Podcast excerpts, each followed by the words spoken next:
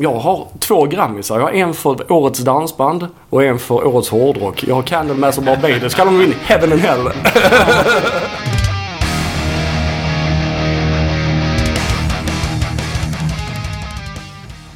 Den här veckan åker vi hem till multiinstrumentalisten och mångpysslaren Chris Laney.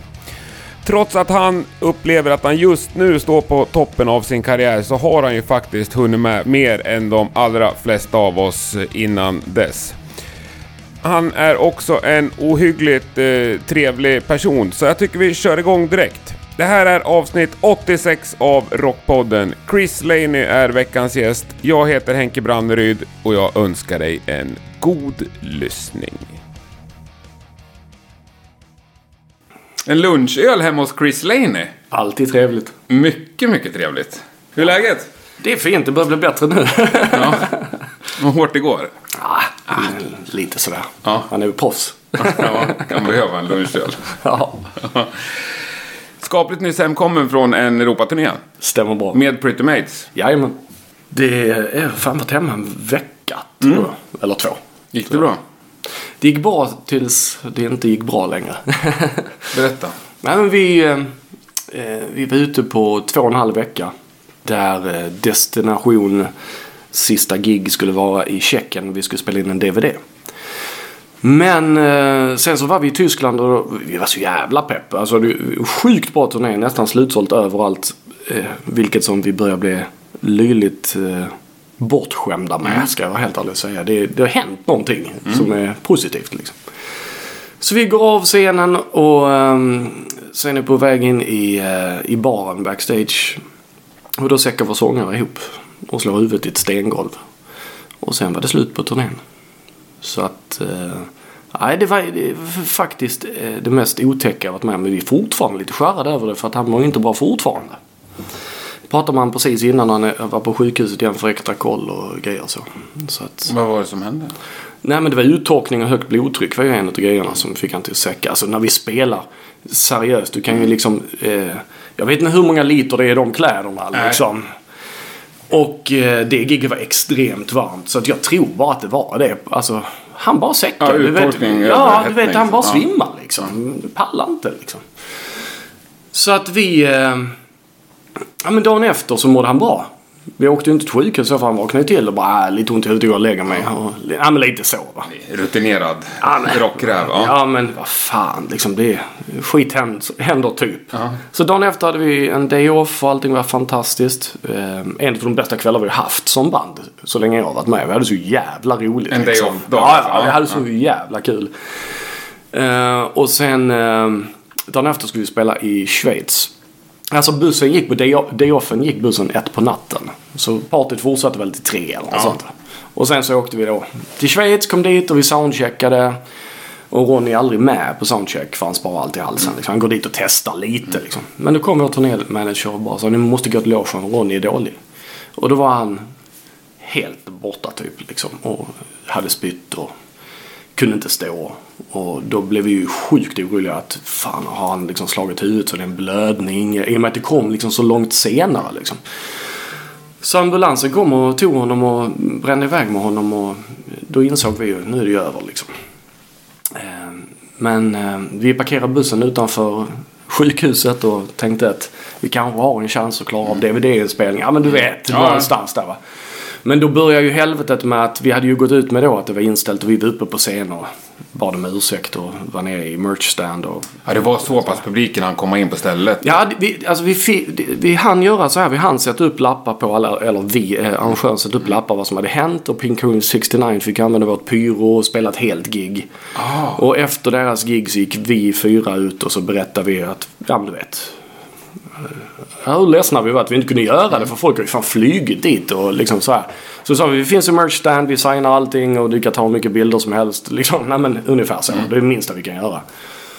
Men sen så får ju media reda på det så att allas telefoner och bussen gick ju fan bananas liksom. Bara bling, bling, bling. Så vi bara stängde av. Vi måste ju gå ut med någonting nu på riktigt.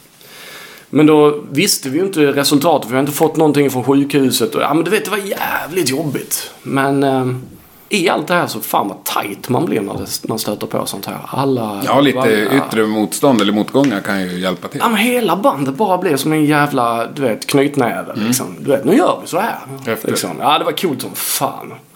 Så att, eh, men som sagt, jag pratade med Ronny precis innan du kom. Och han är ju begått mod och så, men de håller på att kolla honom fortfarande så det inte har blivit skador som kommer upp efteråt och så. Men hur gammal är karln? Vad är han? Han är väl 53 va? Han är inte med? Nej. Jag trodde han var äldre. Nej, men de är, jag tror Herman är född 63 och han 64. Jaha. Ja. Jag hade en känsla av att de var... Nej, okej. Ja, men de har ju funnits som man var liten, så Ja. det är inte konstigt. Verkligen, ja. Men det, det räcker det med sju år liksom. Så Men det säger vi om, om Pretty Mates. Hur länge har du gjort det? Inte så länge faktiskt. Nej? Jag har alltid sagt dem. Ja, jag, jag förstår det. För du har varit med ett par år. Jag har nästan, alltså officiellt har jag varit med ett och ett halvt år. Mm. Men jag har ju varit med i kulisserna sedan april då. I, i april så att säga. Ja, det är två så år. att det är två år nu, ganska exakt. Det var då jag fick förfrågan, Mm. om man säger så. Så, ja. Men jag tror att jag blev vi efter första turnén. För då insåg jag liksom att fan, det här är ju mitt band också. Mm. Ja. Jag har ju faktiskt någonting att säga till om. Nej, men så jag, tänker att det är ändå en skum känsla. Eller en skum liksom... När, när man drar den gränsen. Som du sa, du har lyssnat på dem sedan du var... Ja, men jag, tycker barn, all, liksom. ja, jag tycker fortfarande allting är konstigt med Pretty Mates. Så att liksom när folk kommer upp och snackar Pretty Mates med mig. Jag blir såhär, ja, ja, men fan jag är ju med. Liksom. Jag har ändå gjort hundra gig liksom. Men det är ju gamla idoler till mig. Så att det är därför det blir så otroligt skevt liksom. Vad fan, men nu är jag en del av det här. Nej men någonstans där blev det väldigt, väldigt konstigt ibland. Men hur, hur funkar det i bandet? Hur, hur, vad har du för roll i bandet så att säga? Ja, första turnén var ju nya killen. Det var min roll att hålla käft typ. Liksom och bara försöka leverera. Skitnervös varenda kväll och så. Eh, vilket som har ändrats till att nej, men de lyssnar rätt mycket på mig. Och jag är väl lite av en idéspruta. Liksom. Jag kom på att vi skulle göra Future World 30 år. För de hade ingen aning om att plattan var 30 år gammal. Nej. Till att börja med liksom. Ja. Vi sitter och diskuterar, du vet så här, vilken låt ska vi börja med? Och jag säger, "Men Mother of All Lies, för mig det är ju den bästa öppningslåten ni haft. Kan vi inte göra den till vår liksom, Detroit Rock City? Det är den vi alltid börjar med. Liksom. Och de bara, ja men det är inte så dum idé. Ja men lite så. ja, men vad roligt att eh, Ja. få inflytande. Och jag gör liksom introna till giggen och liksom, nu snackar vi ju DVDn och hur den ska göras. Hur ska det se ut? Och sitter jag mycket med Ham och pratar och... Nej men vi pratar mycket liksom. Och det, jag tycker att jag har fått en, en bra roll i bandet liksom. Jag känner mig absolut delaktig. Sen är det ju Ronny och Kens band. Och det kan vi inte ta ifrån dem efter 40 år liksom. Nej, det blir svårt. Nej men det blir jävligt Ja, ja. konstigt. Jag kan ju inte berätta för dem. Nej, det är såklart. Jag kan däremot vädra Det är och som att säga berätta att jag för tycker att Gino ni... och Paul hur Jo, saker ska gå till med Men Kiss. det sköna är att jag, jag, jag kan ändå säga till dem att jag tycker ni gör fel. Mm. Och då lyssnar de liksom. Det är inte så. Men det är ju deras beslut till slut i alla fall. Det är, Ja. så. Det är de som bestämmer. Ja. Ja. Nej, vi, vi, och vi ska tillägga att du lirar ju keyboard i... Keyboard och gitarr. Ja, för du spelar lite gitarr också. Så Ja, jag spelar fått klipp. 50-50 ungefär. Är det så mycket? Ja. I början var det ju, det var ju en utav schismerna. alltså det här är ju så jävla roligt för att när jag blev tillfrågad så ringde Ken Hammer mig och så sa han jag söker en som spelar keyboard och gitarr och kan köra. Och då sa jag, ja men jag kan det. Han bara, ja eller hur liksom. Ja men se till ifall du känner någon. Sen ringde han tre, fyra dagar efter och då hade han snackat, frågat en massa folk, så här, Janne Stark och de, de hade sagt, sagt mitt namn. Så han bara, ja men de säger att du kan det, ska du testa eller? Nej men så var det. Det är, han ringde alltså till dig för att... eh, Få om kontakter du, folk. du kände ja, någon. Ja, det är så jävla bisarrt. Men eh, Vad var det han trodde att du inte kunde av dem? spela keyboard. Ja. Men det är ju mitt första instrument. Är det det? Ja, det var det jag började spela. Ja. Sen har jag ju inte varit aktiv keyboardlirare på liksom 20 år. Men det sitter ju där någonstans. Mm. Liksom. Men det sjuka var sen kommer jag ju då ner och ska testa. Men då är ju inte Ronny intresserad överhuvudtaget av en gitarrist. Han vill vara en keyboardist. Så redan där blev det så helt, hur fan gör vi nu? Liksom, jag, jag tänker inte bara spela keyboard liksom. Jag är här för att spela gitarr och keyboard. Så är det liksom. Så att vi börjar ju bråka direkt. Liksom, På audition typ? Ja, typ så. Det är bra. Eh, men det slutar med i alla fall att ju mer, alltså jag tror också det handlar om så här vanegrejer. De är ju vana att ha keyboards på låtar som det inte finns keyboards på på skivan. Medan jag är ett fan så jag säger, ja men den här är det ju två gitarrer. Det finns inte en jävla synt i närheten. Nej. Varför ska jag lira synt då? Ska vi inte liksom lira, du, vet, två gitarrer? Och då börjar de fatta att, ja men nu kan vi faktiskt lira låtar vi inte har lirat förut. Och en låt som eh, We Came To Rock, då är det ju typ keyboardet i refrängen. Men så då spelar jag det och så spelar jag gitarr resten. Liksom. Ja. Så att jag springer där, jag är som ett Kinderägg. Ja, liksom. jävla, vilken jävla tillgång. Nej men det är kul. Det är sjukt kul. Faktiskt. Ja, det förstår jag. Men eh, hade du stått på scen förut och sådär med keyboard? Ja, men senaste gången jag gjorde det, det var 1988. Ja, det är ett tag sedan. Ja. Ja. Så att ja, folk ser ju inte mig som keyboardist. Men sen i studiosammanhang och så har jag ju keyboard på alla mina plattor och andras plattor och så liksom. Men inte lirat piano typ. Nej. Men och också är man van att stå liksom gitarr eller bas så, här, så blir det ju ett annat Ja, rörelsemönster på scenen. Jag kan säga det, det känns ju jävligt lite. konstigt i början. I början är det sjukt eh, bisarrt. Fan, hur fan rockar man bakom en jävla synt liksom? Nej men du vet, det tog en stund att komma in i. Nu känns det helt, alltså. Nu är det mitt instrument igen.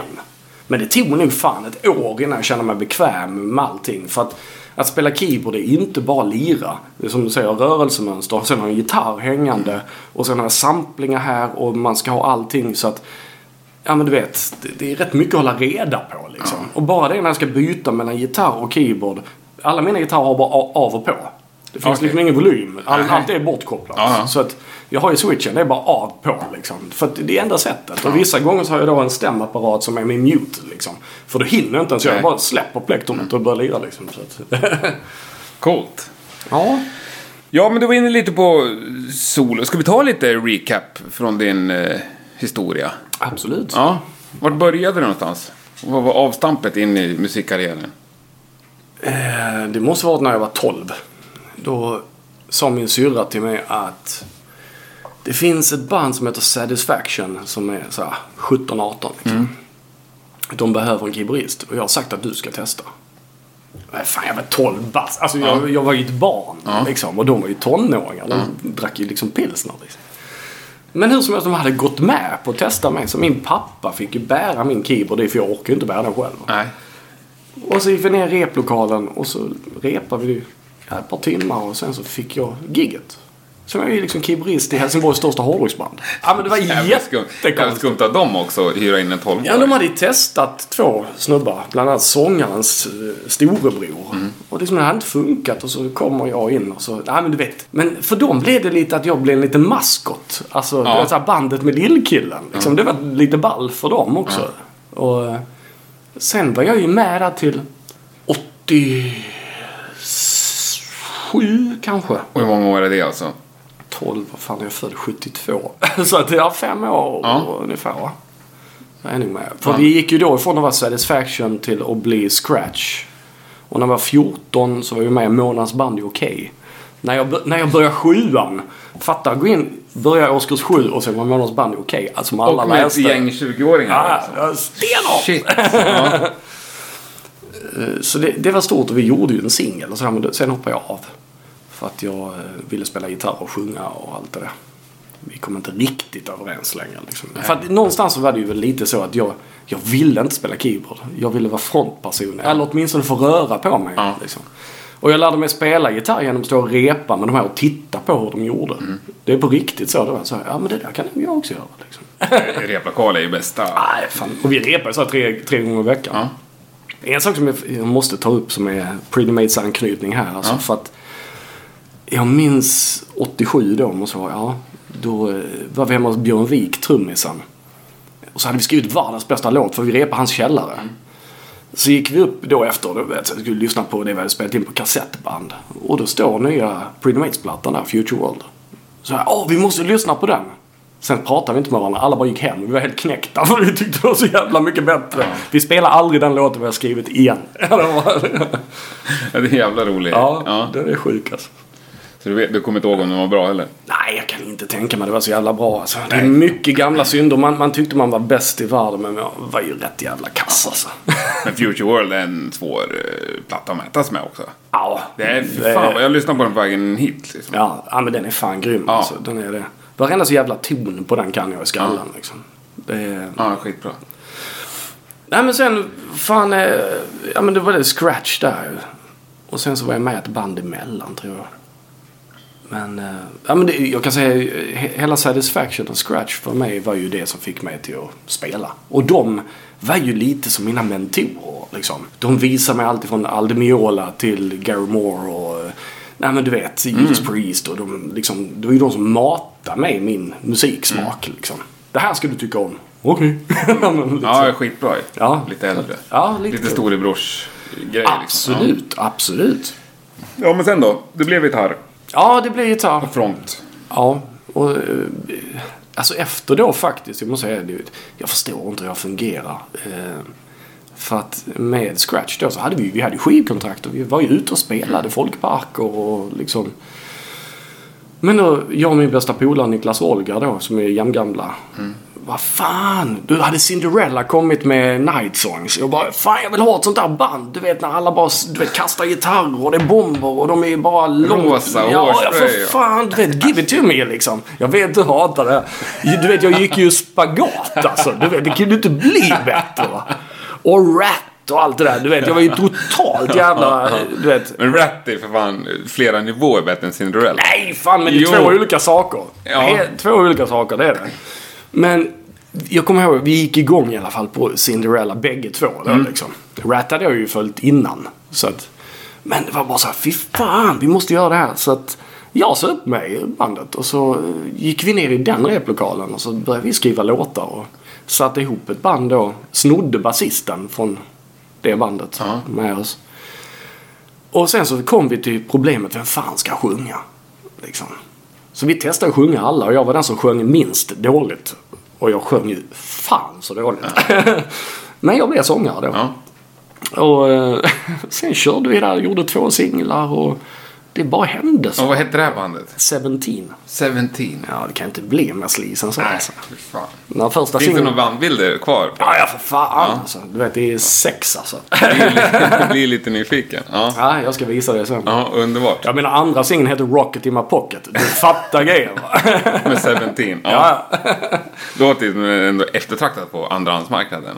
Ja, det är faktiskt det- det sjuka var ju förra veckan. Jag hade möte med Niklas då, gamla gitarristen. Mm. För att ett skivbolag i USA vill ge ut våra grejer för det är 25 år sedan senaste grejen. Det är sant? Ja.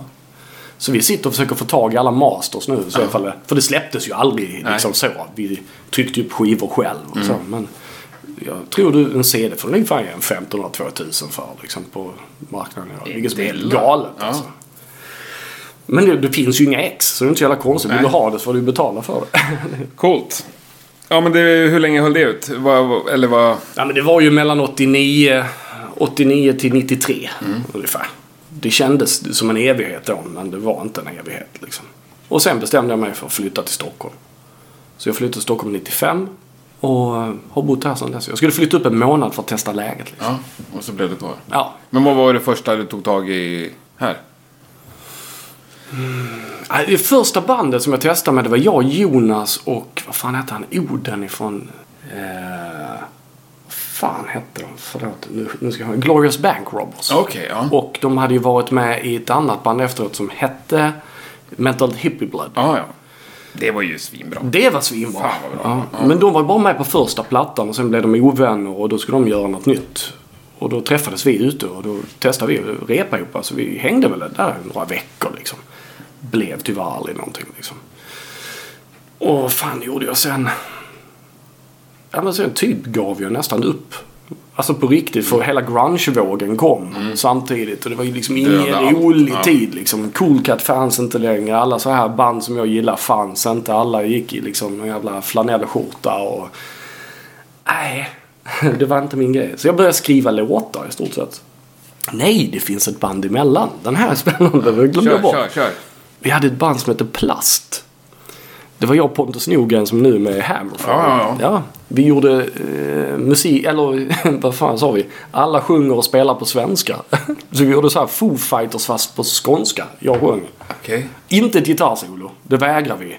Och bara liksom, jag vet Vi gjorde väl så här 15 låtar och liksom. Och en, två utav dem, då blev vi uppraggade av Göran Elmqvist och Niklas Flykt som är producenter.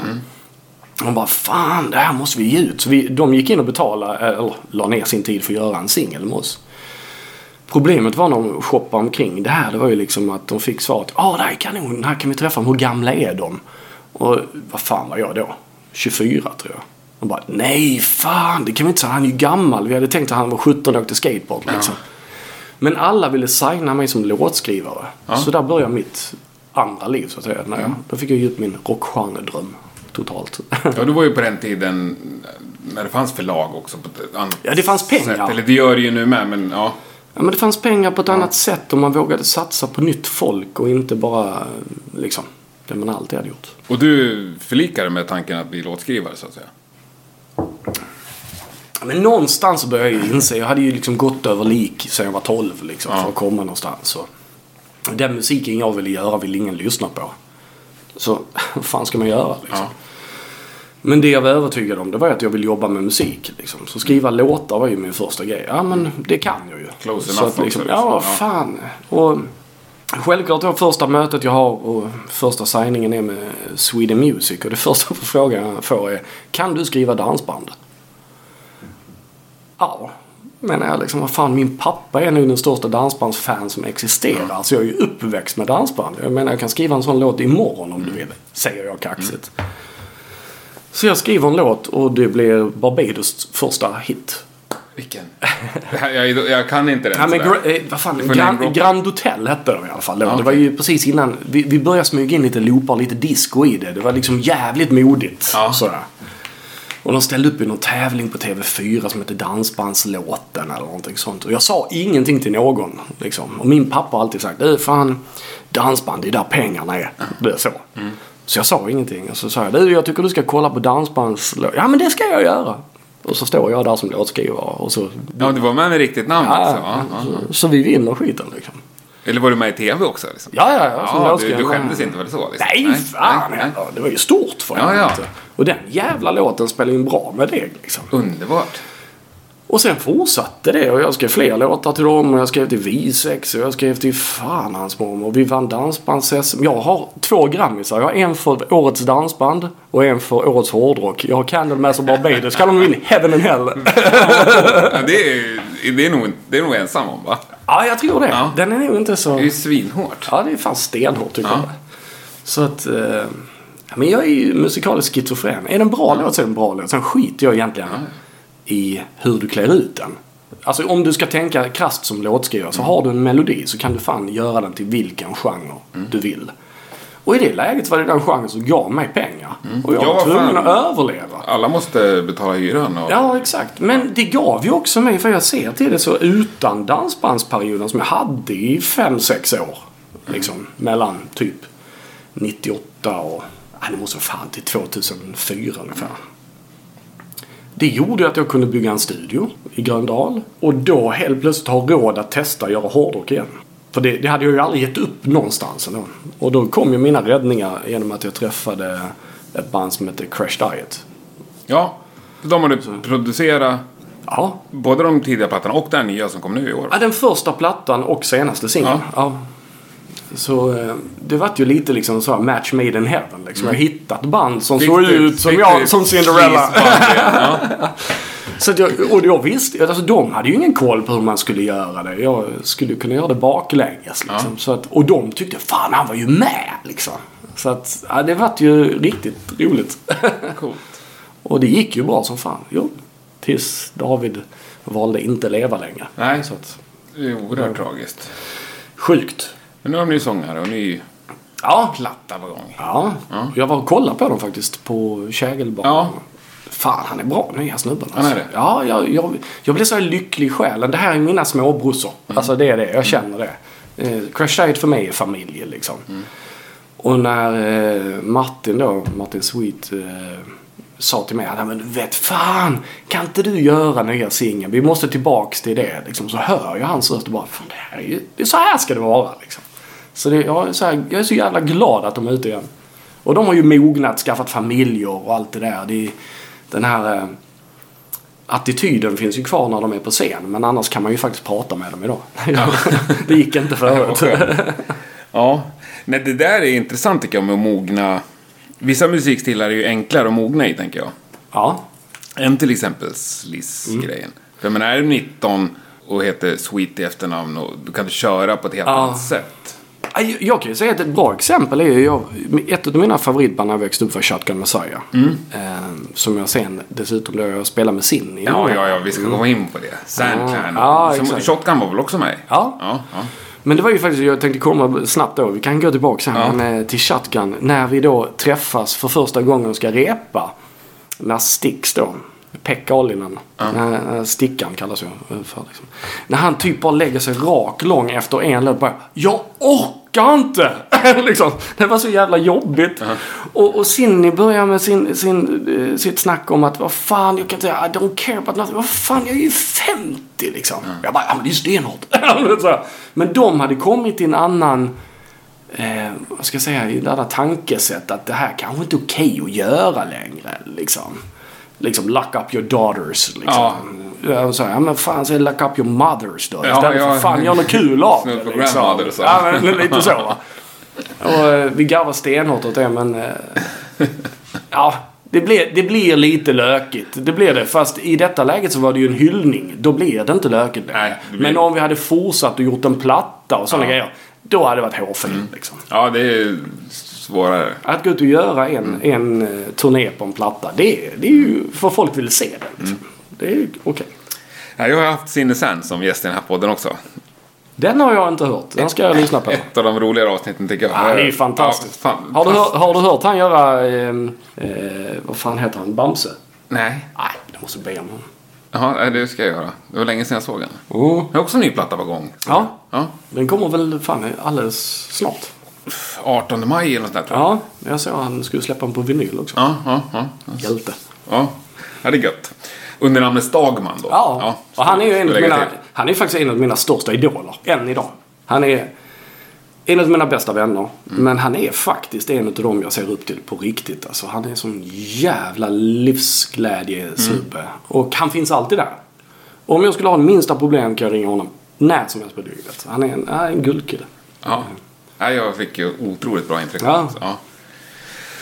Och väldigt uppskattat avsnitt var det jättemånga som fortfarande hör av sig. Man vill ju sätta honom på piedestal och bara be honom berätta stories. Liksom. Ja, Det är så. ja. Kan man inte hyra in honom så här på en firmafest? Där har du en mick och en stol och en pilsner. Kan du berätta lite nu? Ta oss tillbaks till Sunset Strip. Ja. Ja, men du, det har varit sidospår va? Var var vi från början innan du hamnade på Shotgun? Ja, vi var på Crash Diet va? Ja, men vi började. Du hade byggt upp studio. Ja. Chans att börja jobba med hårdrock igen. Ja, då gjorde jag lite, lite allt möjligt. Jag gjorde Glo- Glorious Ba- Bank Robbers. Mm. Jag gjorde en eh, live-DVD och en platta som jag mixade. Gjorde lite Talisman och... Nej, men det började komma in lite jobb. Och då var du liksom. som producent och ibland som, Ja, som mixare. ljudtekniker. Ja, mixa och... ja. Så där började, och så gjorde vi Sankland då. Mm. Som blev mitt första hårdrocksband så jag hade inte liksom... Sen dansband. Ja. Ja. Eller sen fan 90... Ja, Ja. sju. typ liksom. Och det var ju kul för att jag hade ju... Alltså jag är ju ett Shotgun Messiah-fan som jag sa. Jag vågar ju inte prata med sin. Jag träffade honom ett par gånger ute och vågade inte gå fram till honom. Är det sant? Ja, nej. Fan, vi är ju fan gud för helvete liksom. Ja, men han ser ganska snäll Och sen så någon gång så fick jag hans nummer så ringde jag dit och svarade han så la jag på för jag vågade inte. Det är sant. Det var i vuxen ålder alltså. ja, ja för fan. Ja, nej, men du vet, det var lite för stort för mig. Men du verkar inte vara så blyg av det. Ja, men när det kommer till... Jag är sån jävla fanboy vet du. Ja, Så ja. det finns inte. Men till slut tog jag liksom... Tog jag modet till att snacka med honom. Och då bjöd jag honom till min studio. Då hade jag skrivit tre låtar. Som lät som Shotgun Messiah. Så jag tänkte, kan du inte komma över och lyssna på lite skit och sådär. Och så hade jag alla mina vinyler med Shotgun med mig. Och Ja. Easy Action och så. Kan du signera de här om vi aldrig träffas mer? Typ liksom. Och så, sen så spelade jag upp och han bara, fan kan jag testa att sjunga på den? Och så fick han en CD och så åkte han ju hem då till skogen där han bodde då. Och så halvvägs ringde han mig och bara Fan, ska inte vi bilda band? Så så föddes liksom Soundcloud. Ja. Och då hade jag ett litet projekt som jag kallar Crank med eh, Mappe från Candlemass. Eh, ska säga Pontus ifrån King Diamond och eh, Pontus från Nej. Pontus Nordgren var fan inte med där. Utan Johan Kullberg från Therion med.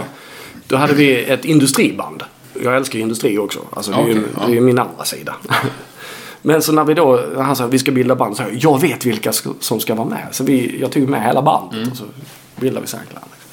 Schysst. Det, jag tycker det var bra alltså, Sankland. Tack. Men det lyfte aldrig riktigt sådär. Nej men alltså det var ju en konstig situation. Alltså vi, vi åkte förband till Whitesnake innan vi hade en platta ute. Liksom bara det. Liksom. Mm. Jo, men för att ni Galen- var namnkunniga i bandet också. Ja men det är ju en galen grej. Liksom, vad fan, man åker ju förband för att sälja en platta. Ja. Vi åkte ju bara förband för att vi ville spela. Liksom. Lite så.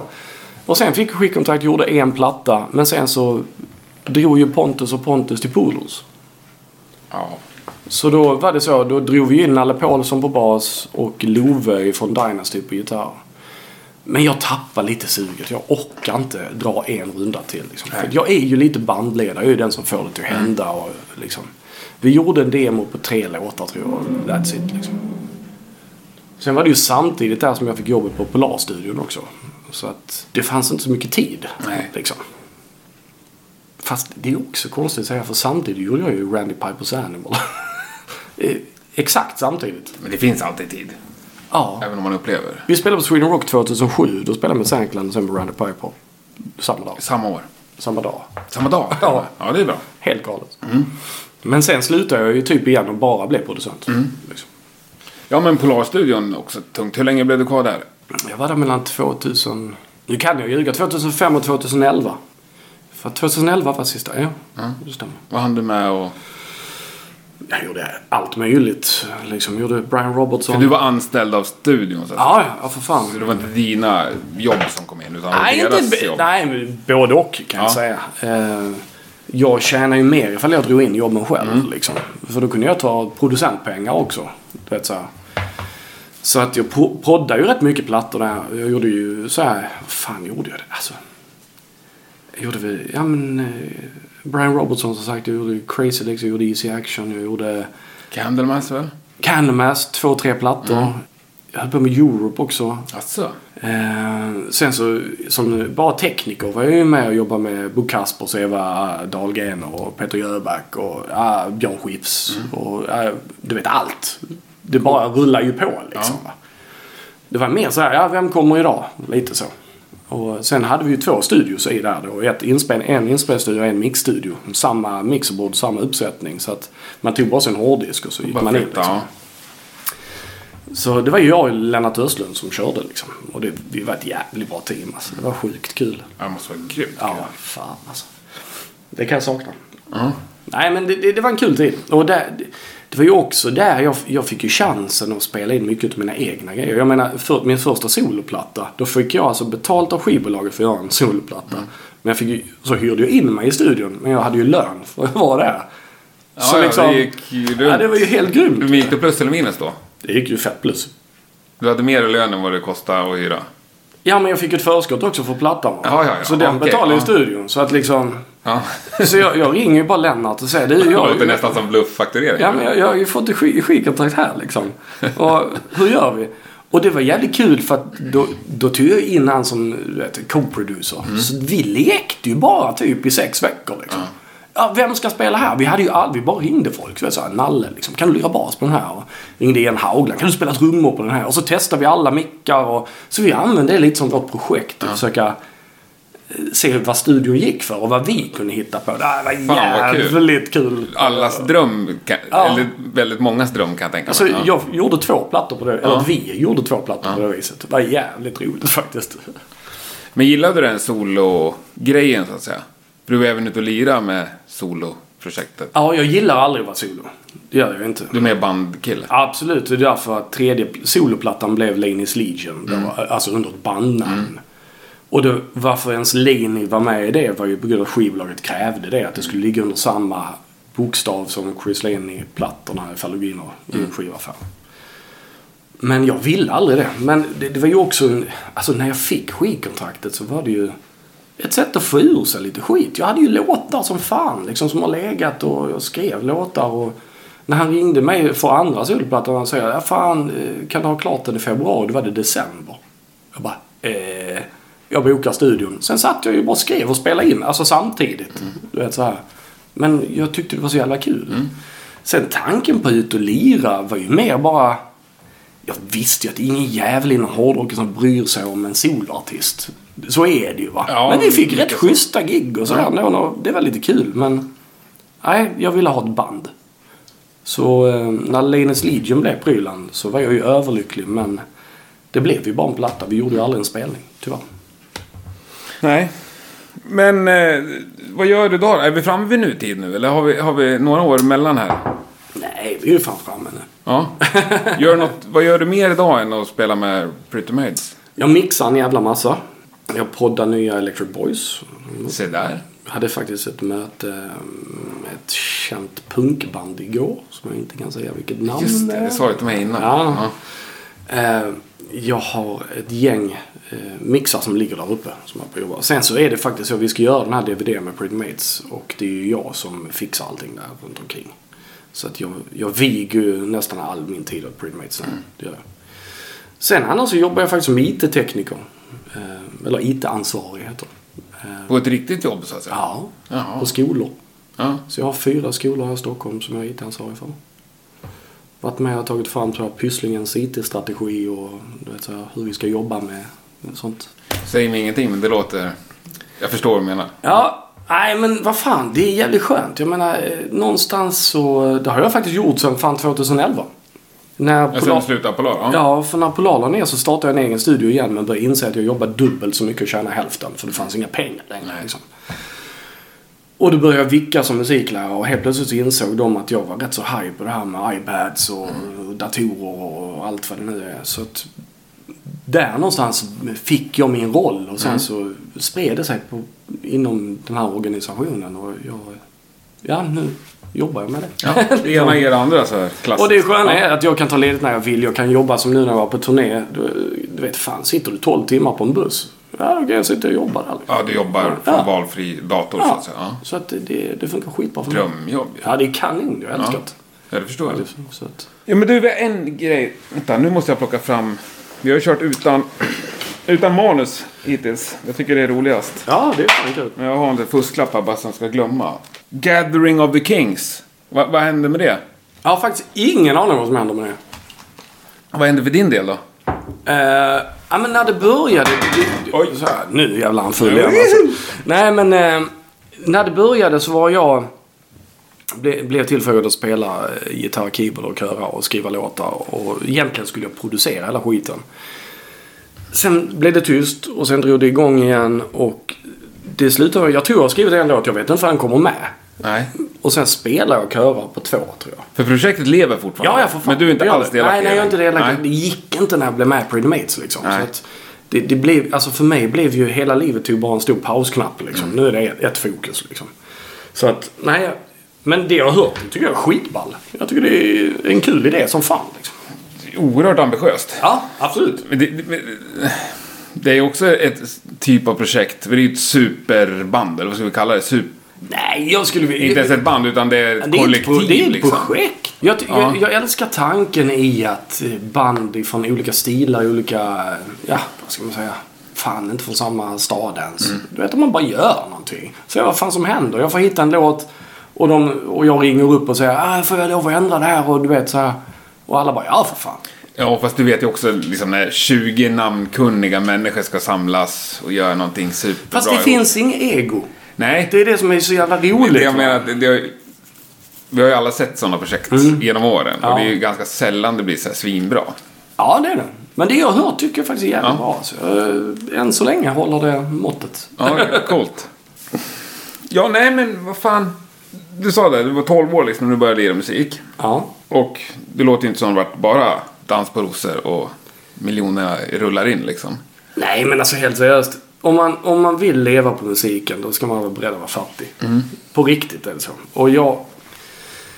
Jag har fan gjort allt för att leva på min musik. Och jag levde på min musik i typ 15 år, 20 kanske till och med. Mer eller mindre. Eh, jag var inte rik. Men det gick runt liksom. Jag kunde bara hålla på med det. Jag älskade det. Men jag har två ungar. Liksom, en är 20, en är 13. Det kostar pengar liksom. Och sen då dessutom ha en studio som jag hade, nu har jag den hemma. Eh, Men förut hyrde jag ju lokal och det var ju alla räkningar där med internet och försäkringar och skit. Så att visst fan det har varit kämpigt. Men vad, vad, vad kommer det driv ifrån liksom? Att orka fortsätta? Ja, Att men det är väl kärleken för musik. Alltså på riktigt. Alltså jag är ju musik. Jag eh, brukar alltid... Till exempel nu när jag jobbar då inom skolor och de får nys om att jag håller på och då blir de eh, liksom... Ja men de, är, de ser ju inte mig så. Liksom. Nej. Men... Och det, där tappar jag lite identitet för att jag har ju alltid bara varit liksom musikkillen liksom.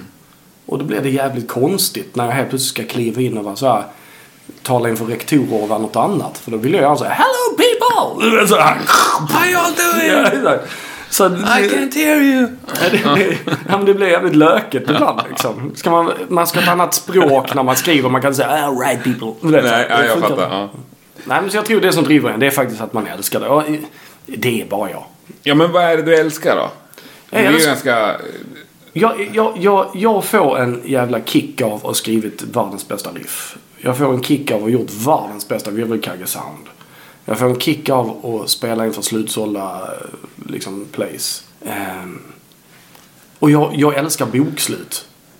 Alltså jag, jag vill bara, du vet, när jag startar, jag har alltid projekt. Alltså jag har alltid projekt. Just nu har jag en 3-4 som ligger så här. bla. Då tar vi det sen. Ja. Men jag vill ju liksom bara gå in i det och sen vill jag att det ska släppas. Och så folk frågar mig, ja men vad fan hur många plattor har du gjort? Jag har fan ingen aning för jag har ju ett annat projekt på gång. Det, det är något jag har gjort. Så bokslut för mig är ju hela prylen. Liksom. Ja, att det blir klart så att säga. Ja exakt, alltså leverera någonting Ja. och sen är det ju jättekul för det tar väl en 5-6 år innan jag börjar fatta, ja folk gillar det. Alltså lite så. Ja, jag fattar. Men, jo, men ändå, för nu sa du både skriva ett riff, stå på scen och fixa ett perfekt virvelljud. Liksom. Ja. Är det lika mycket på de mätarna? Om man säger att du bara fick jobba med data. Vad skulle du sakna mest då? Att ratta ett virvelljud eller stå på scen? jag skulle skjuta mig då. Ja, men om, och så fick du ta tillbaks en grej i ditt liv. Skulle det vara att skriva låtar eller ratta ljud eller stå på scen? Då tror jag jag skulle ta bort skriva låtar. Vet du? Jag är ju... Älskar att mixa. Bästa jag vet. Speciellt ifall det låter röv på inspelningen och jag får kämpa som ett as. Alltså det är väl någonstans den här kampen jag älskar. Och likadant att lira, låt oss säga att det är en dålig publik. Det är nästan roligare när vi har vunnit över dem i slutet av gigget. Än att gå in där alla bara ah! Nej men alltså det är kampen alltså. Ja, det, det är någonting, jag vill till mållinjen liksom. Vad fan är det som gäller? Nej fan, skriva låtar är ju typ samma sak. Det här var jättesvårt. Nej, jag måste nog ta bort låtarna först. Ja, Det, det måste jag göra. Det andra för mig är nog det jag brinner med för. ja, ja bra. Jävla mycket lösa trådar vi lämnar efter oss. Vi bjuder på det. Ja, men du verkar fortfarande ha ett jävla driv så att säga. Ja, Jag tänker då när du var 17-18 eller när du flyttade till Stockholm när du var lite äldre. Alltså det målet och den drömmen du hade då, ser den likadan ut som den gör nu? Jag har nog landat mer i mig själv. Alltså, alltså jag skulle inte vilja ha att göra med mig när jag var 17-18. På Nej. riktigt. För att jag var ett arsle på... Alltså ett sant, riktigt jävla arsle. Och de vänner jag har kvar från den tiden, de uppskattar jag ju ofantligt mycket. För jag vet hur vidrig jag var. Alltså jag gick över lik för att komma någonstans. Jag kunde varit bästa polare med någon liksom i sex år och sen bara säga ja men du är inte värd att vara med i mitt band längre, dra åt helvete ungefär så. För att nu har jag hittat någon som är lite bättre, lite coolare. Nu kan du dra. Så. Likadant jag gjorde, var förlovad med någon och så fick jag, jag tror det var någon sångare från Alien någon som ville, skulle hänga med på turné. Och jag, så, jag gick hem och bara la ringen på bordet och sa hej du kan åka hem nu liksom. Så. så var jag. Ett riktigt jävla svin på riktigt. Eh, idag, ja, fan jag, liksom, jag har ju fan varit eh, tillsammans med min fru i 20 år. Liksom, det har blivit en liten annan människa av mig. Ja. Nej, men jag har mognat som satan och vi har samma mål. Fortfarande har det. Jag, alla säger åh du är med Pretty Mates, har du liksom, är, är du lugn nu i själen och sådär. Nej men nu vill jag ju att Pretty Mates ska bli störst i världen. Alltså den där grejen kommer jag aldrig Men är att det släppa. det liksom, bli rockstjärna på världsherraväldenivå, så att säga? Är det det som är drömmen? Nej jag tror inte det stoppar där. Nej? Ja men alltså förstår du vad jag menar? Jag, då hittar jag ett annat mål. Ja. Liksom om vi då är världsstörst så ska vi vara första bandet på månen. Ja. Liksom. Nej men alltså, är du med hur jag fungerar? Liksom? Ja, lite. Så att jag kan ju då... Fast det verkar ändå skapligt tillfreds. Ja men det är jag. Ja. Jag, jag. jag är ju lyckligast i världen med Pretty Mates. Det är ju det, är det bästa som har hänt mig. Men samtidigt då, som jag är där och alla säger, och nu är du, va, nu är du lugn va? Ja det är jag. Jag är jävligt tillfreds med det. Men nu, nu kör vi. Det är nu det börjar. Liksom, typ så. Ja. så att, jag vet, det låter säkert helt sinnessjukt. Har du berättat det här för dem i Pretty Mates? Ja men de märker väl det Ja. på mig. Jag är ju ettrig som en jävla terrier liksom. Så, Fan vi måste göra det här. Men gillar de det eller tycker de att liksom lugn nu, nu har vi, vi är på våran nivå liksom? Nej för fan, de tycker om det. Ja. men de är väl också ettriga. De är det på, på sitt vis fast de är lite mer försiktiga. De vet ju sitt varumärke. Jag är ju lite mer såhär, ja men vad fan, spelar roll liksom.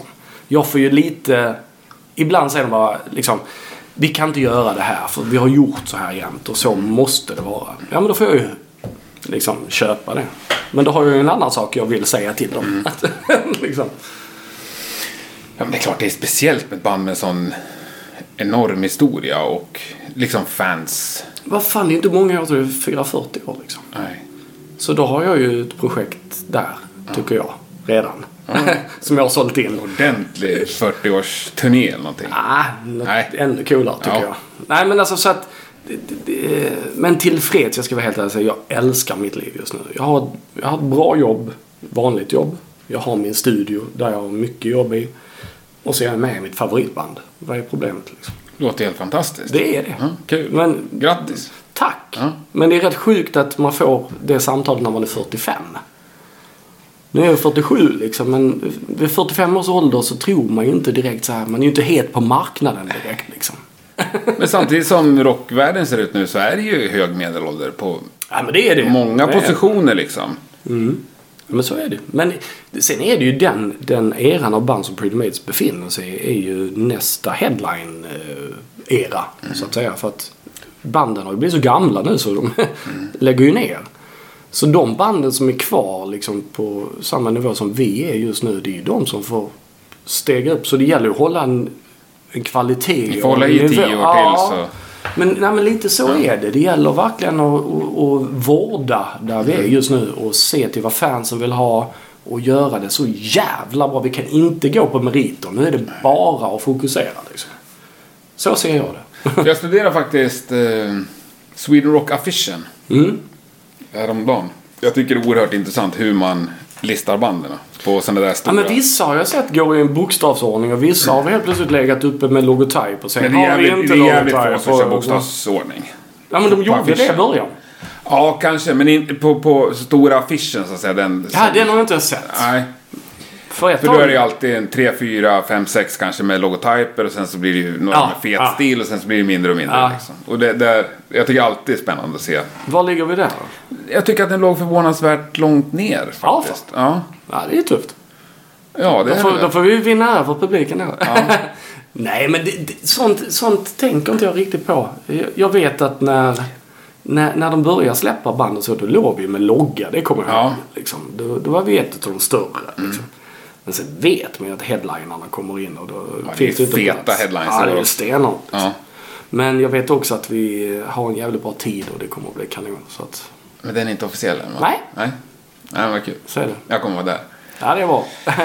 Nej, det ska bli Men hur skitkul. många gånger har du lirat på Sweden Rock? En gång. Fast jag med två gånger. Ja. Ja, två, en dag. En gång, två gånger. En dag, två gånger. Ja, ja vad roligt. Ja, det ska bli skitkul Ja. faktiskt. Och det att då som svensk också få göra det med dem. Är ju oerhört kul. För att jag, jag var inte där när de spelade sist 2014 men som fan då, det var innan jag kände dem. Då satt jag ju och kollade YouTube-klipp liksom från det giget. Liksom.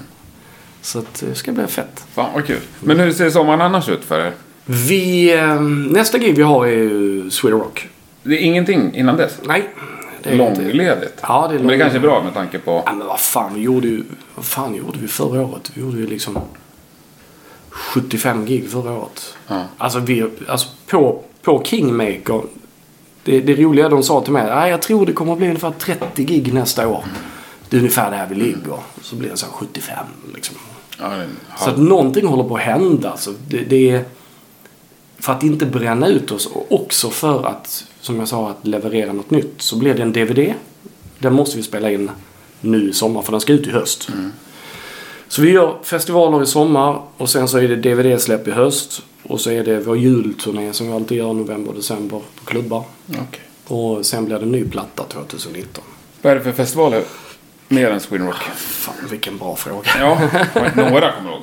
Nej. Inte en enda? Nej. Nej. Jag måste nästan hämta min telefon för att se Ja, vad det- Nej, men, ja, men det är i Tyskland och det är i Danmark och det är i Frankrike och det är lite så. Det är helt omöjligt att få en semester med familjen i två veckor liksom. Ja. För att det är alltid ett gig. Ta det i höst. Ja. Eller nu då? Innan Sweden Rock? Du hinner ju. Ja men fan jag har ett jobb! Du kunde, du kunde jobba varifrån som helst. ja det är sant. Ja. Vi hoppar lite mellan ämnen. Ja men det får jag göra. Precis. Ja, du lirar ju mycket olika instrument. Mm. Vilket är ditt, liksom, vart är du mest säker? Det är en jävligt sjuk fråga för att jag vet inte. Jag är egentligen rätt så kass på allt. Alltså nu, nu pratar jag hur jag ser det. Jag är världens bästa lurendrejare. På riktigt är jag det. Och det lärde jag mig jävligt fort i liksom. Så länge du, det låter okej så kommer ingen att bry sig. Liksom. Det är så. Men be mig spela ett gitarrsolo. Det är en omöjlighet. Säg ett ackord. Jag vet inte vad tonerna heter. Är det sant? Ja, jag har fan ingen aning. Men det är, och det är ju en akilleshäl också. Som när jag satt med Rutger Gunnarsson och de här ABBA-gubbarna va. Shit. Ja, bara Och så säger ja. jag bara liksom Lasse Welander på gitarr. Ja. Och så trycker jag på stopp liksom. Och så här, nej det är en ton som är fel.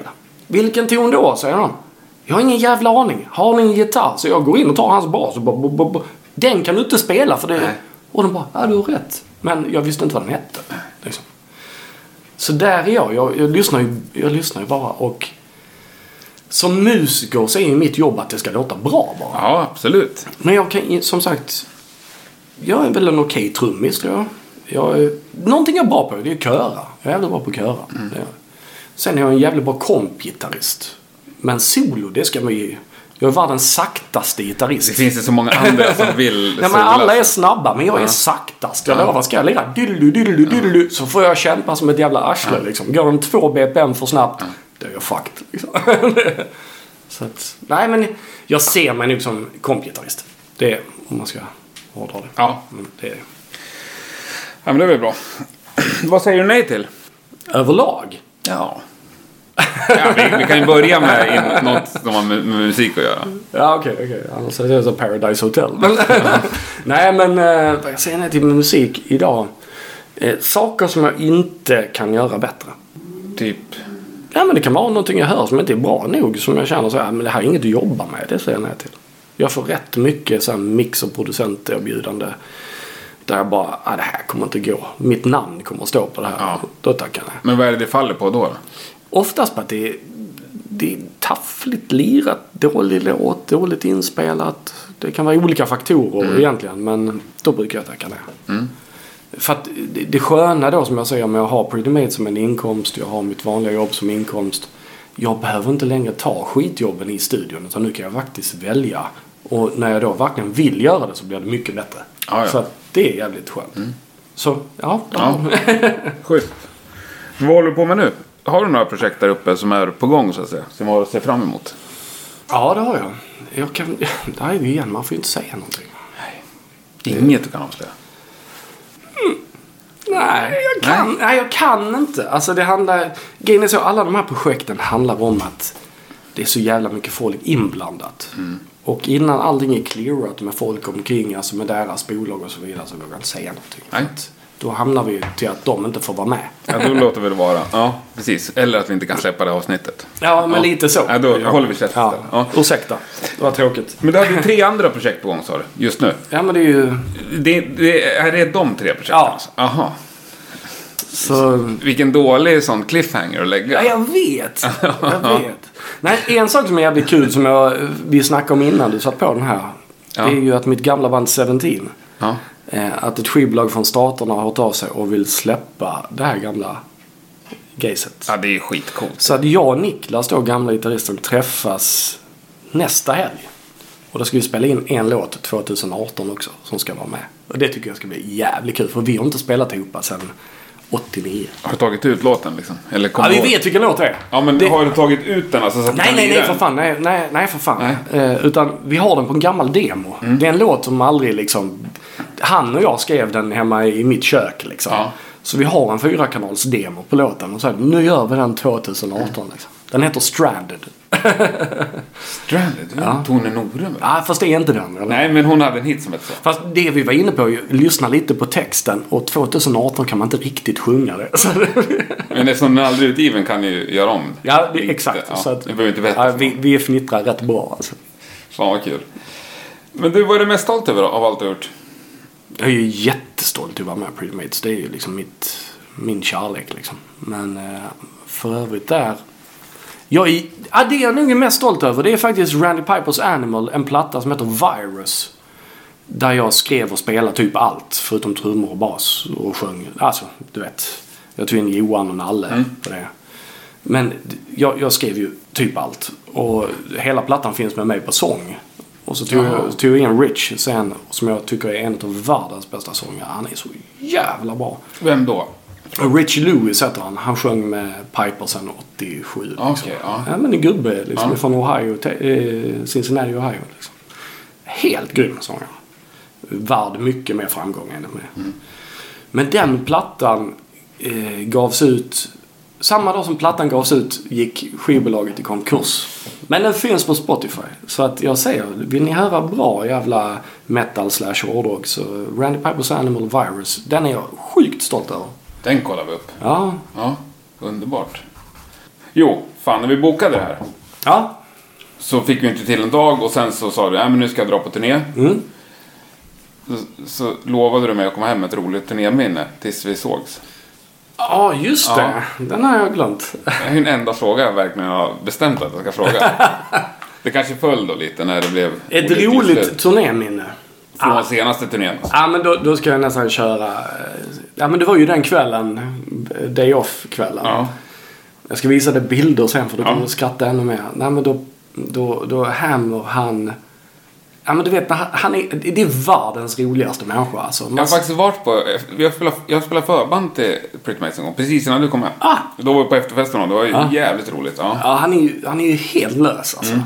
Och vi, vi, alltså min, telefon egentligen, utav alla eh, brr, brr, som är där, så är 90% av Hammer. Där han skickar en rolig bild eller en vits eller någonting. Alltså Ja, han, ja. han är världens roligaste människa. Men hur som helst, han sitter då där och vi är ute och käkar. Då kommer han på liksom sin nya businessplan. Och det är liksom Rockstar for hire. Fast det är en död Rockstar då. Så man stoppar upp den. Och så i vilken pose du vill. Och sen kan man hyra ut den då liksom du vet, till bröllop eller till du vet, någon sån här klassfest. Eller du vet så här, fan här står liksom Michael Jackson. Du vet så. Ja. Men då är det ju då när i hela den här när det är som värst och alla är helt knäckta i att Ronny liksom har åkt till sjukhuset. Och han drar iväg med, med ambulansen. Så är så är Hammer och så här, Fan han skrev inte under kontraktet för, för, för Rockstars for hire. Fan vad rått. Ja, Ja men det, det var- det är hjärtligt såklart. Ja, Ja. men jag vet du, han var ju... Om någon gång jag kan säga...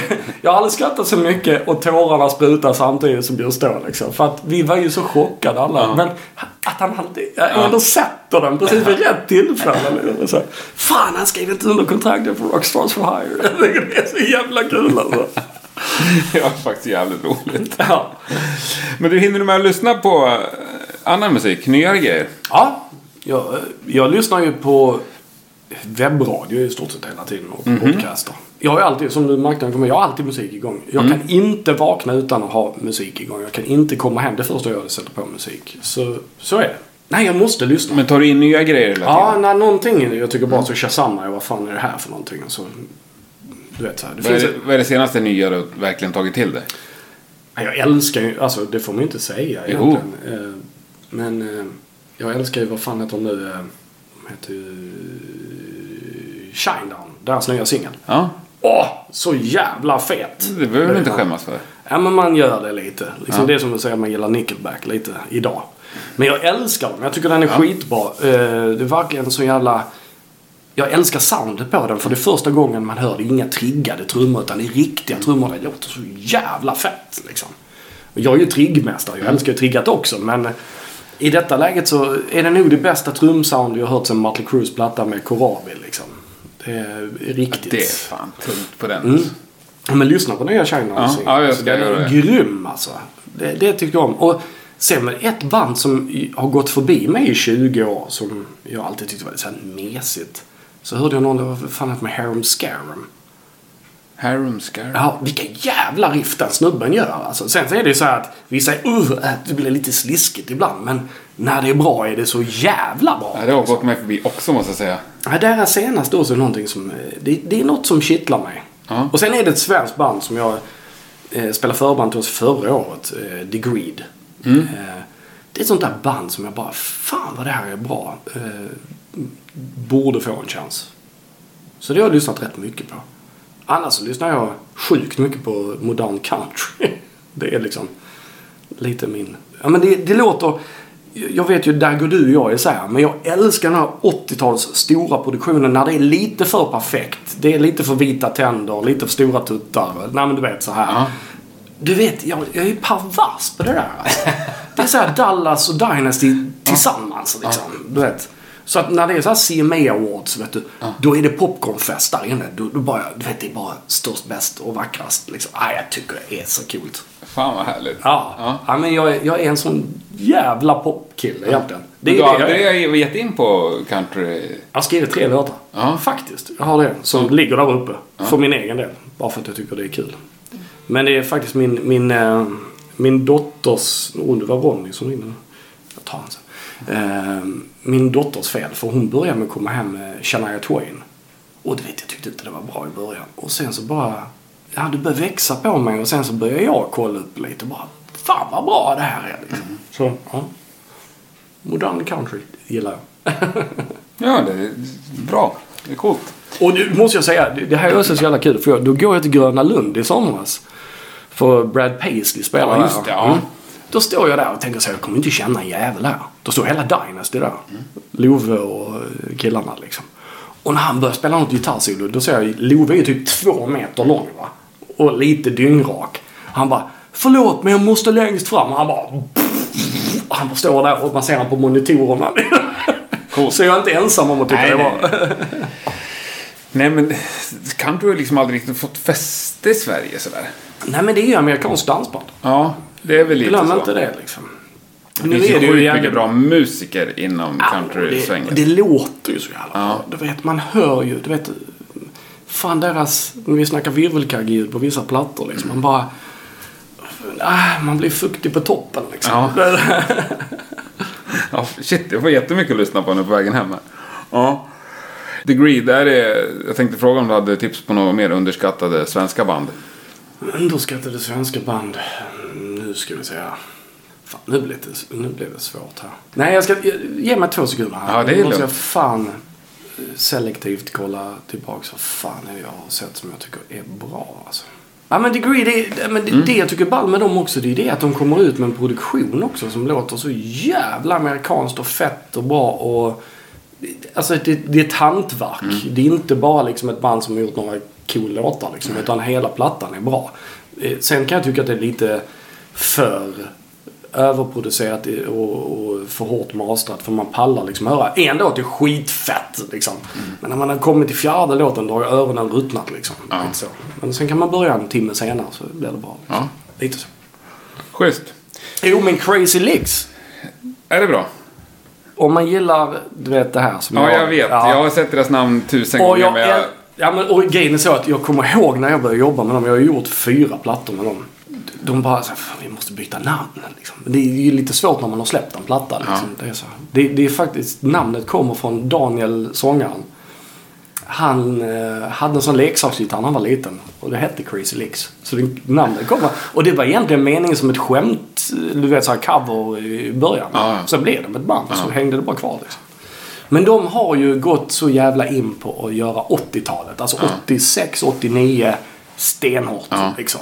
Det är fluff-fluff-syntar. Det är liksom... Ja men det, du vet, när jag sitter och mixar dem så är vi ju inne i, okej jag måste hitta lexikon reverb. Det måste vara så exakt som det ska vara. Och det kan jag tycka är skitkul när man bara blir blint så otroligt nischad. Liksom. Ja. Jag tycker det är så kul. Absolut. Och, och ifall du kollar deras senaste video så kommer du skratta ihjäl. Det är som att se Olivia Newton-Johns, eh, vad fan heter den, eh, videon när hon står där i sina gymkläder. Och de har gjort en sån video också som man gjorde på Ja, den ska jag kolla upp den också. Ja, men det, det är Jag hade fan sprutat in bra tips här. Vem är den mest musikaliska personen du spelar med? Eller kommer i kontakt med då? Nu får du ju hela Polar... eh, Ja, det är ju... Ja. Ja, drar vi in det, då Ja, är det du får dra in alla här. Den mest musikaliska människan. Ja. alltså. Dra åt helvete. Gud alltså, så kan man ju inte säga.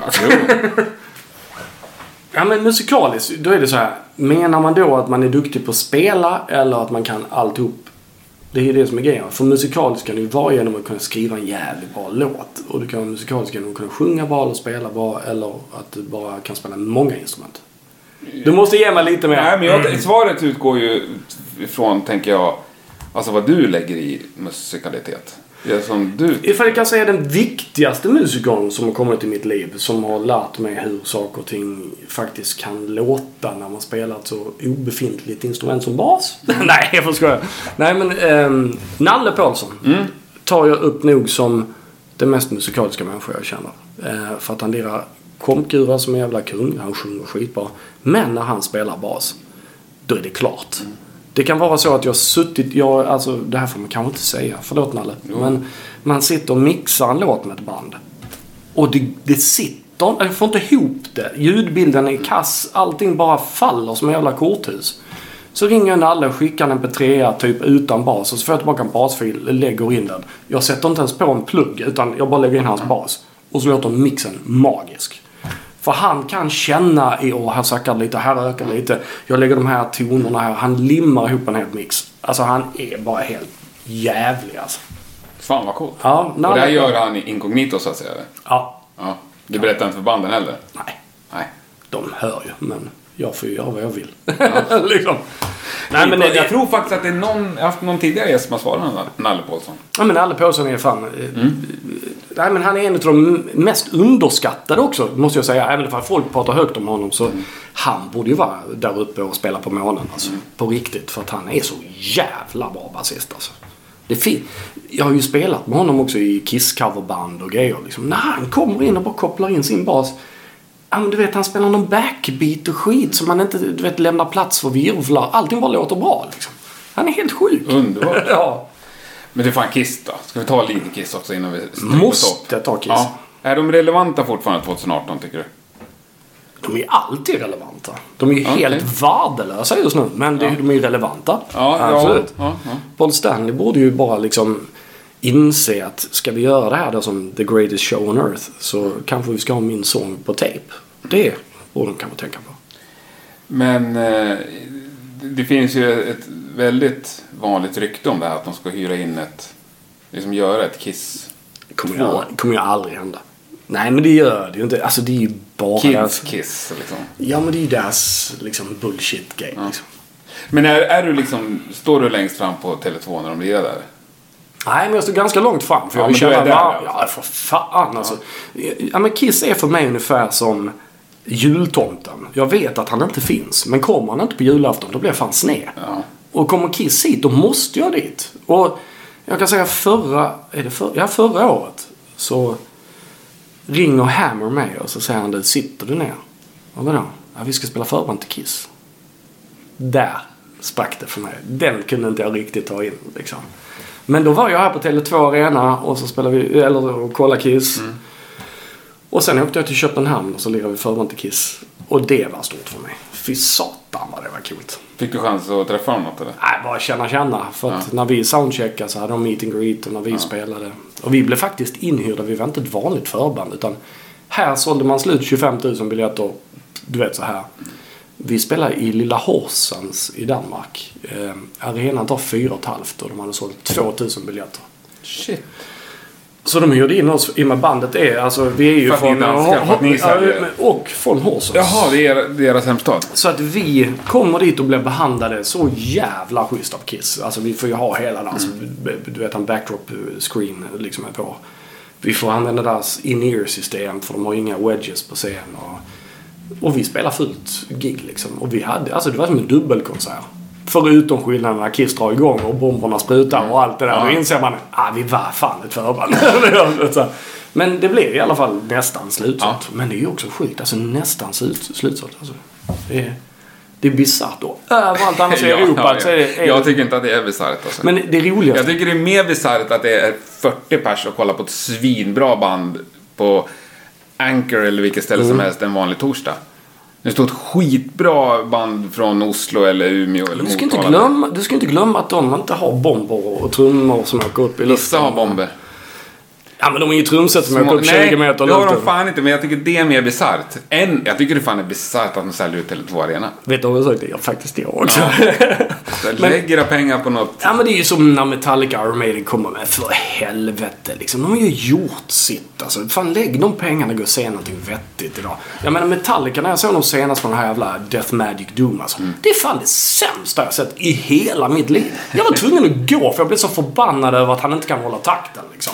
Det är helt värdelöst. Och det blir någon form av så här. Ja men nu, nu säljer, jag kallar det Dressman-rock liksom. För att de säljer liksom en t-shirt liksom med Metallica. Åh, fan, gå på Metallica. Du vet så här, om de säljer slut, du vet så att Tele2 Arena. Så är ju 10 000 av de som är där, det är fans. Resten av de som är där, det är de som har köpt en t-shirt på Dressman. Jag lovar. Likadant med Iron Maiden. Det blir så här familjeutflykt. Ja, vi kollar Iron Maiden liksom. Det är ju helt åt helvete liksom. Det är ingen som... Fast Maiden är fan på riktigt bra fortfarande ju. På riktigt, de har inte varit bra som Paul Diano slutade. Jo. Nej! Jo. Nej! Det är, jag hatar galopp alltså. De, Ja, ja, men då är det ju.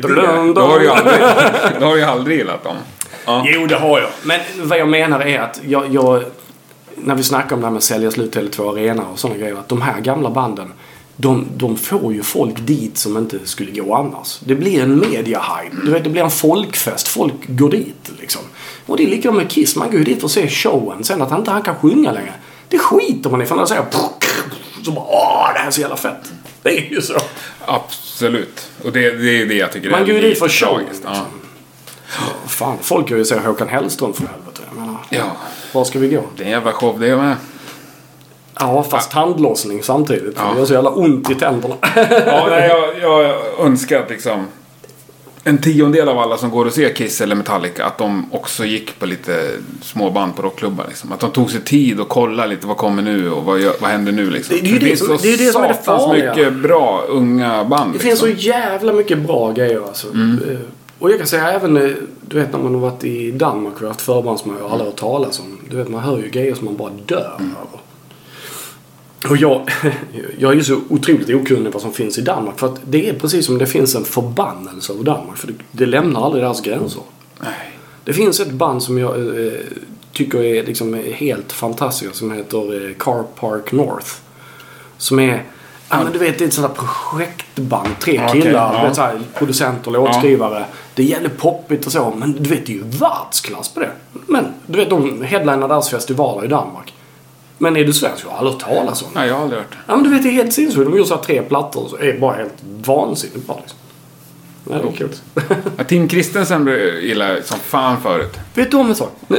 Jag visste inte han var med i Dizzy Miss Lizzy. Jo, det var så jag fick reda på. Och jag var precis tvärtom för jag hörde hans platta som heter... Eh, vad fan heter den? Superstitious tänkte jag säga. Det heter den inte. Den heter... Eh, fan heter den? Den vita plattan. Vet du vad jag jag, menar? jag tror att jag släppte, nej, jag släppte, han var, fick, han, jag tror hans första soloplatta var som är brun. Mm, Randig. Det jävla trumspel. Laos Sonne är det ju som spelar trummor där som spelar D.A.D. nu. Men det- är så... Det jävla trumspelare. Ja. Alltså, fan vad suttit och lyssnat på den plattan. Nästan bara på grund av trummorna. Men Superior är en platta som det typ inte finns trummor. Utan det är mest Acke han sjunger. Ja, men du vet, det är så bra som man Ja, lägger det sig ner i fosterställning liksom. Och sen hör jag en låt på radion när jag är ute med Pretty Mates. Och så bara Fan, det är ju Tim Christensen. Och de bara Nej, det är Dizzy Miss Lizzy. Sjunger han med dem? de bara, är du dum i huvudet liksom? Hade ingen aning om vilka de var, men han Nej, visste jag. jag bodde med en dansk när jag var 19 och han, han spelade Disney Har du, har, du hört, har du hört EPn när han kör Shut in the Dark och sådana grejer? Nej. Akustiskt? Nej. Ah, det ska du kolla. Det är så jävla bra alltså. Det är en EP, fem låtar covers. Och du kör Shut in the Dark Coolt. akustiskt. Det är så jävla bra. Ja, guld. Det finns någon BBC live också tror jag med Tim Christensen som är jävligt bra. Ja. ja, men det var bra. Fick jag avsluta med lite danskt.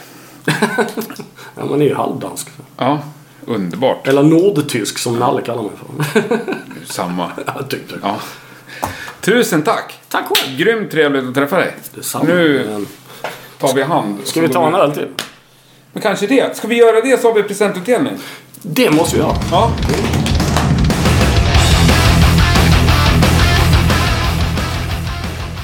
Ja, där gick slutsignalen för dagens avsnitt. Stort tack för att du har lyssnat.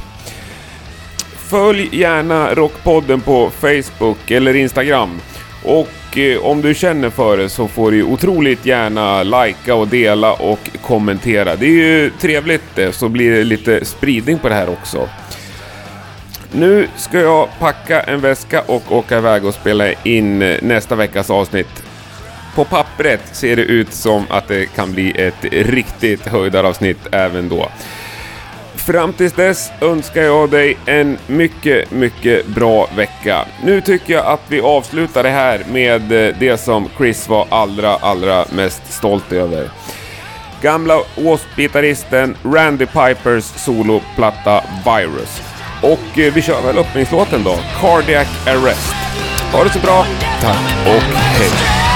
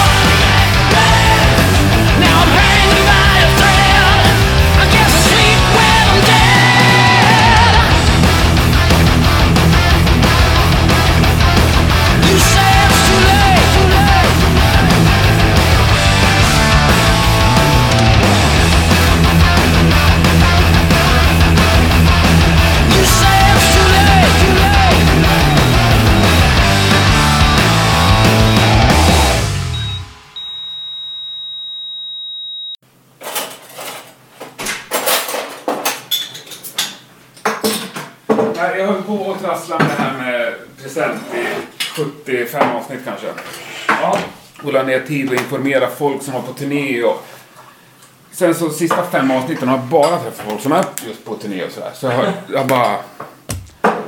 Jag skiter i det i några avsnitt helt enkelt. Tack. Men det här är en jävla... Apropå det vi pratade om. Det här passar ju helt fantastiskt bra då. Grejen är, det är Sofia Bergström som numera är hårdrocksskribent på Aftonbladet. Aj! Hon jobbade på Close-Up förut, Ja. så du får senaste exet av Close-Up. Och Oj. det där är första gången hon såg Metallica så fotade hon också. Så det är hon som har tagit kortet. Ja men fy fan. Ja, Ja, den måste jag ju så det finns en personlig koppling till. Ja. Då, då har jag något så bra. Jag är ju en sån jävla vinylfreak va. Och då finns det något så viktigt som att man måste ha